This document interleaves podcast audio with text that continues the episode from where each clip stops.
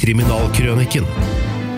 En true crime-podkast hvor autentiske kriminalsaker fra Norge og resten av Norden fortelles med politiets egne ord. Advarsel. Denne podkasten inneholder sterke skildringer som kan virke støtende for noen. Sevlegutten, del 5. Denne episoden er bygget på en tekst av politibetjent Bernhard Sandtveit.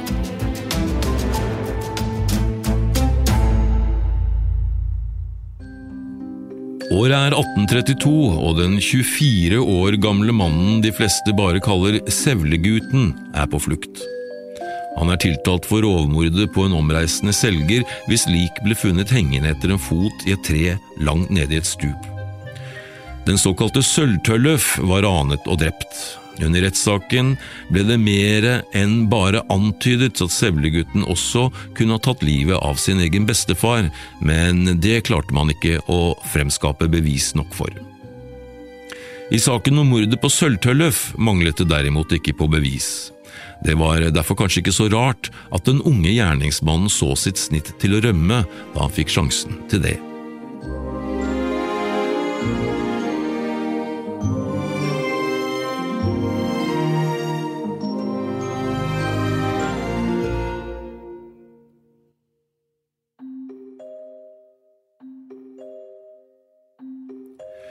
Det ble et farlig oppstyr da det ble oppdaget at Sevlegutten var stukket av. At lensmann Bellerud brukte grov munn på den unge gutten og sendte ham til skogs for å ta igjen Sevlegutten, hjalp ikke stort. Det eneste gutten kom tilbake med, var fangejernet som Sevlegutten hadde slått av seg da han rømte til skogs. Dette blir ikke morsomt for Bellerud, skal lensmanns Teigen i Nora ha sagt da han fikk vite at Sevlegutten hadde rømt. Det ble det heller ikke. Lensmann Bellerud fikk bittert angre på at han hadde satt en ukonfirmert guttunge til å passe på en så farlig fange. Han ble satt under rettslig tiltale for grov uaktsomhet i tjenesten, og i 1833 ble han dømt til tre års arbeid på Akershus festning og fradømt stillingen som lensmann. Tukthusstraffen fikk han ettergitt, men lensmann ble han aldri mer.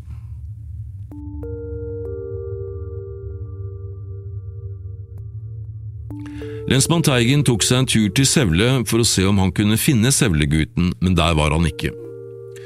Så tok lensmannen seg en tur til alle setrene til Sevlegutten, også Langsetra, men enten så Sevlegutten ham i tide, eller så ble han varslet av sine søsken. Han kom seg i hvert fall ut på baksiden av seterbua og fikk gjemt seg opp i en nesten utilgjengelig fjellside. Lensmann Teigen nøyde seg med denne ene turen. Han var 67 år gammel, altfor gammel til å fly rundt i skog og mark etter en sprek kar som Sevlegutten. Lensmann Bellerud så heller ikke ut til å ha foretatt seg noe større for å finne sin rømte fange. Imens gikk straffesaken mot den rømte Sevlegutten sin skjeve gang.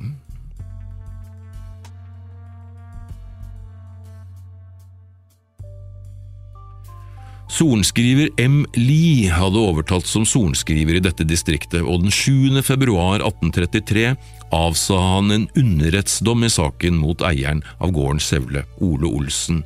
For mord, røveri og simpelt tyveri dømmes han til døden, og hans legeme skal etter henrettelsen legges på steile og hjul, lød dommen.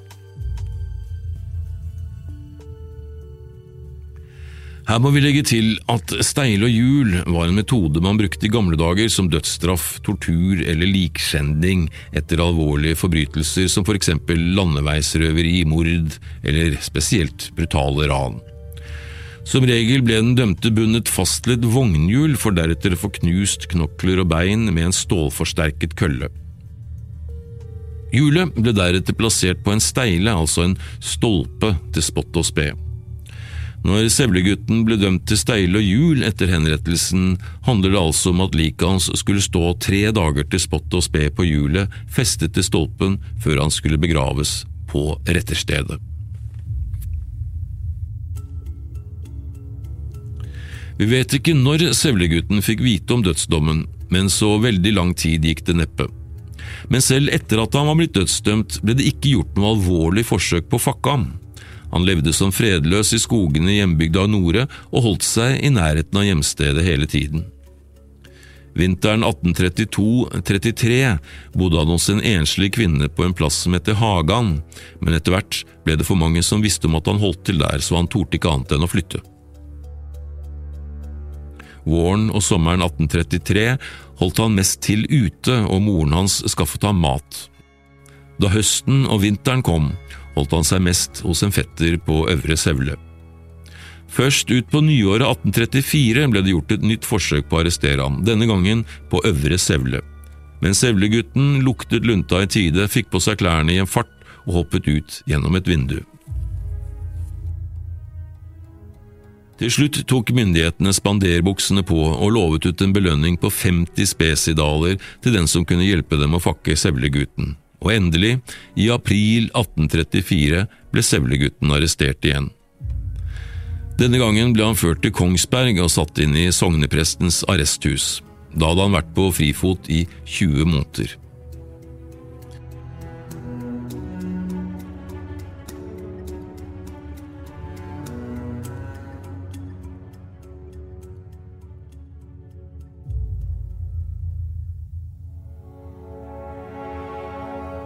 Den 3. juli 1833 hadde overretten stadfestet underrettens dødsdom, men saken skulle til Høyesterett, og dommen der falt først den 29. juli 1834. Dommen stadfestet de tidligere avsagte dødsdommene, og en uke etterpå ga Høyesterett en innstilling om at benådning burde avslås, og at dommen ble anbefalt fullbyrdet. Den 15. august 1834 kom det skriftlig beskjed fra Justisdepartementet om at dødsdommen skulle forkynnes for Sevlegutten. Sognepresten i Kongsberg ble pålagt å forberede ham til døden. Sevlegutten satt kald og rolig og hørte på da høyesterettsdommen ble lest opp for ham i cellen. Sognepresten ville ha ham til å tilstå, men Sevlegutten svarte som han alltid hadde svart før, jeg har ikke noe å tilstå. Andre prester ble tilkalt for å forsøke å få Sevlegutten til å tilstå for å redde sin sjel, men også for dem var det helt umulig å få ham til å innrømme noe. De fikk alle det samme svaret og ga etter hvert opp, den ene etter den andre. Den 29. oktober 1834 kom det en kongelig resolusjon om at høyesterettsdommen skulle fullbyrdes, og at det døde legemet siden skulle legges på steile og hjul i tre døgn, før Sevlegutten til slutt skulle bli begravet.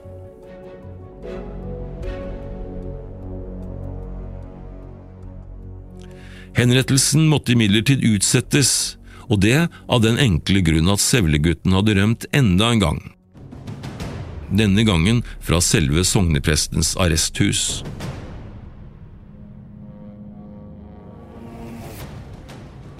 Da fangevokterne skulle inn i cellen ved sekstiden om morgenen den 6. oktober, var fuglen fløyet og buret tomt. Sognepresten ga seg rent over. Han mente at Sevlegutten må ha hatt en hjelper for å kunne klare dette. Han satt nemlig i fullt fangejern, håndjern, fotjern, halsjern, og halsjernet var felstet til en solid jernkrampe i veggen. Det skulle likevel vise seg at han ikke hadde hatt noen direkte hjelper til flukten. Han hadde klart det ved hjelp av et bor og en kniv. Med disse enkle hjelpemidlene fikk han også brutt opp døren. Vaktmannen må ha sovet godt, for han hørte ingenting, men Sevlegutten må likevel ha arbeidet svært stillferdig. Han hadde skåret opp overtrekket til madrassen sin og flettet disse strimlene sammen til et tau. Fra gangen utenfor cellen krøp han opp i en peis og opp på taket. Derfra firte han seg ned ved hjelp av tauet og stakk til skogs. En eller annen må ha smuglet inn boret og kniven til ham i cellen, men hvem det var, kom aldri frem. Før han rømte, hadde han klart å få tak i støvlene sine, og nå bar det i vei til Nore i Numedal.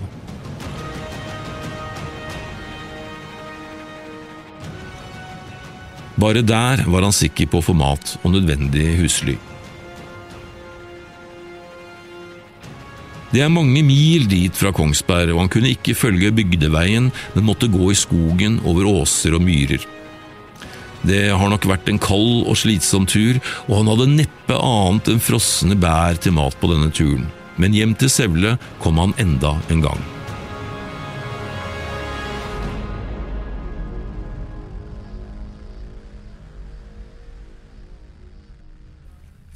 Amtmannen og sorenskriveren var ikke blide da de fikk vite at Sevlegutten hadde rømt enda en gang. De ga beskjed til alle lensmenn og andre myndigheter om at alt måtte gjøres for å fakke ham. Men dagene og ukene gikk, og da det var gått tre–fire uker, ble det satt opp en belønning på 200 spesidaler til den som fanget ham eller kunne fortelle hvor han kunne finnes. Dette førte til at det ikke bare var lensmannen som var ute etter ham.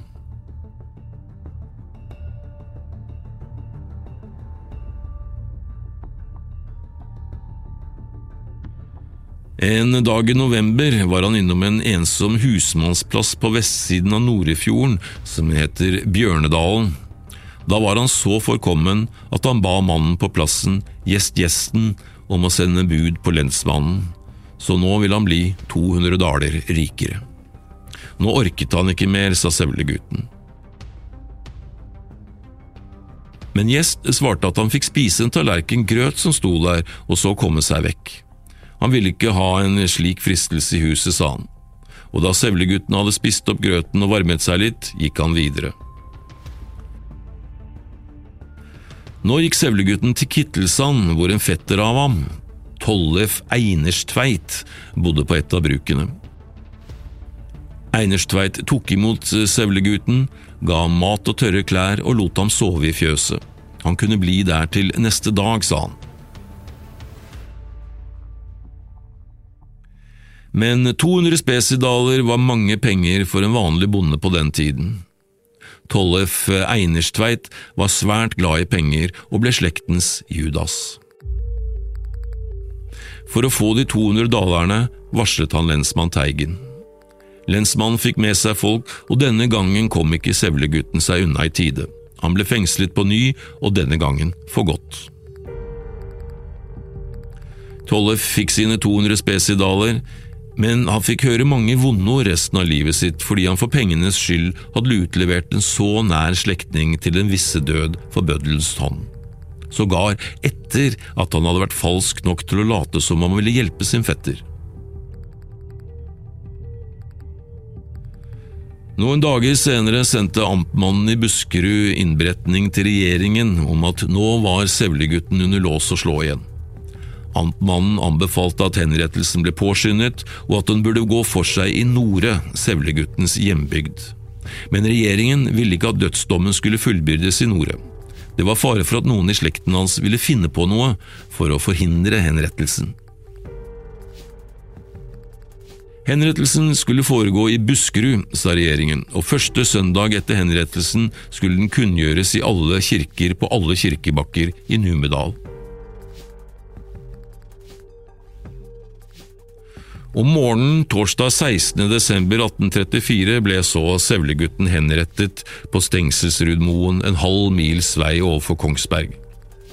Sognepresten i Rollag, Lars Steen, som hadde hatt Sevlegutten som konfirmant og kjente ham godt, var den siste presten som skulle forberede Sevlegutten til døden. Også han forsøkte å få ham til å tilstå. En gammel historie forteller at da Sevlegutten ble ført fra arresten til sleden, trallet han på en gammel slott og trampet takten til den. Presten så på ham og minnet ham på at han snart skulle dø. Vi skal alle dø, var svaret. Det finnes de som har vært så dypsindige at de har ment at Sevlegutten nettopp gjennom denne slåtten ville gi sin tilståelse fordi han ikke ville si det med rene ord. Det ligger nærmere å tenke at nervene hans var spent til det ytterste av dødsangst, og at han prøvde å roe seg ned og beholde fatningen på denne måten. Men det finnes også en annen versjon av historien om henrettelsen, og sannsynligvis er dette den riktige. Ifølge den var Sevlegutten hvit som et laken i ansiktet og måtte støttes opp av de to soldatene som leide ham frem til bøddelen. En av disse to var Gunnar Myhre fra Lire, han forteller at han måtte støtte Sevlegutten, og at henrettelsen gikk så hardt inn på ham selv at han ikke kom over det før lang tid etterpå. Det samme forteller en kvinne fra Sigdal. Sevlegutten fikk ikke bind for øynene, han ville ikke ha det, og han stilte seg selv på kne ved blokken. I en gammel beretning heter det hodet spratt av og trillet bortover bakken, der ble det liggende og gape.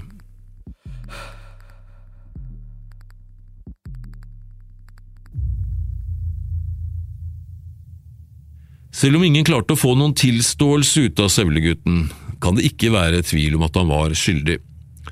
Det eneste som ikke er blitt oppklart, er hvor det ble av Sølvtøllefs ryggsekk. Den ble aldri funnet.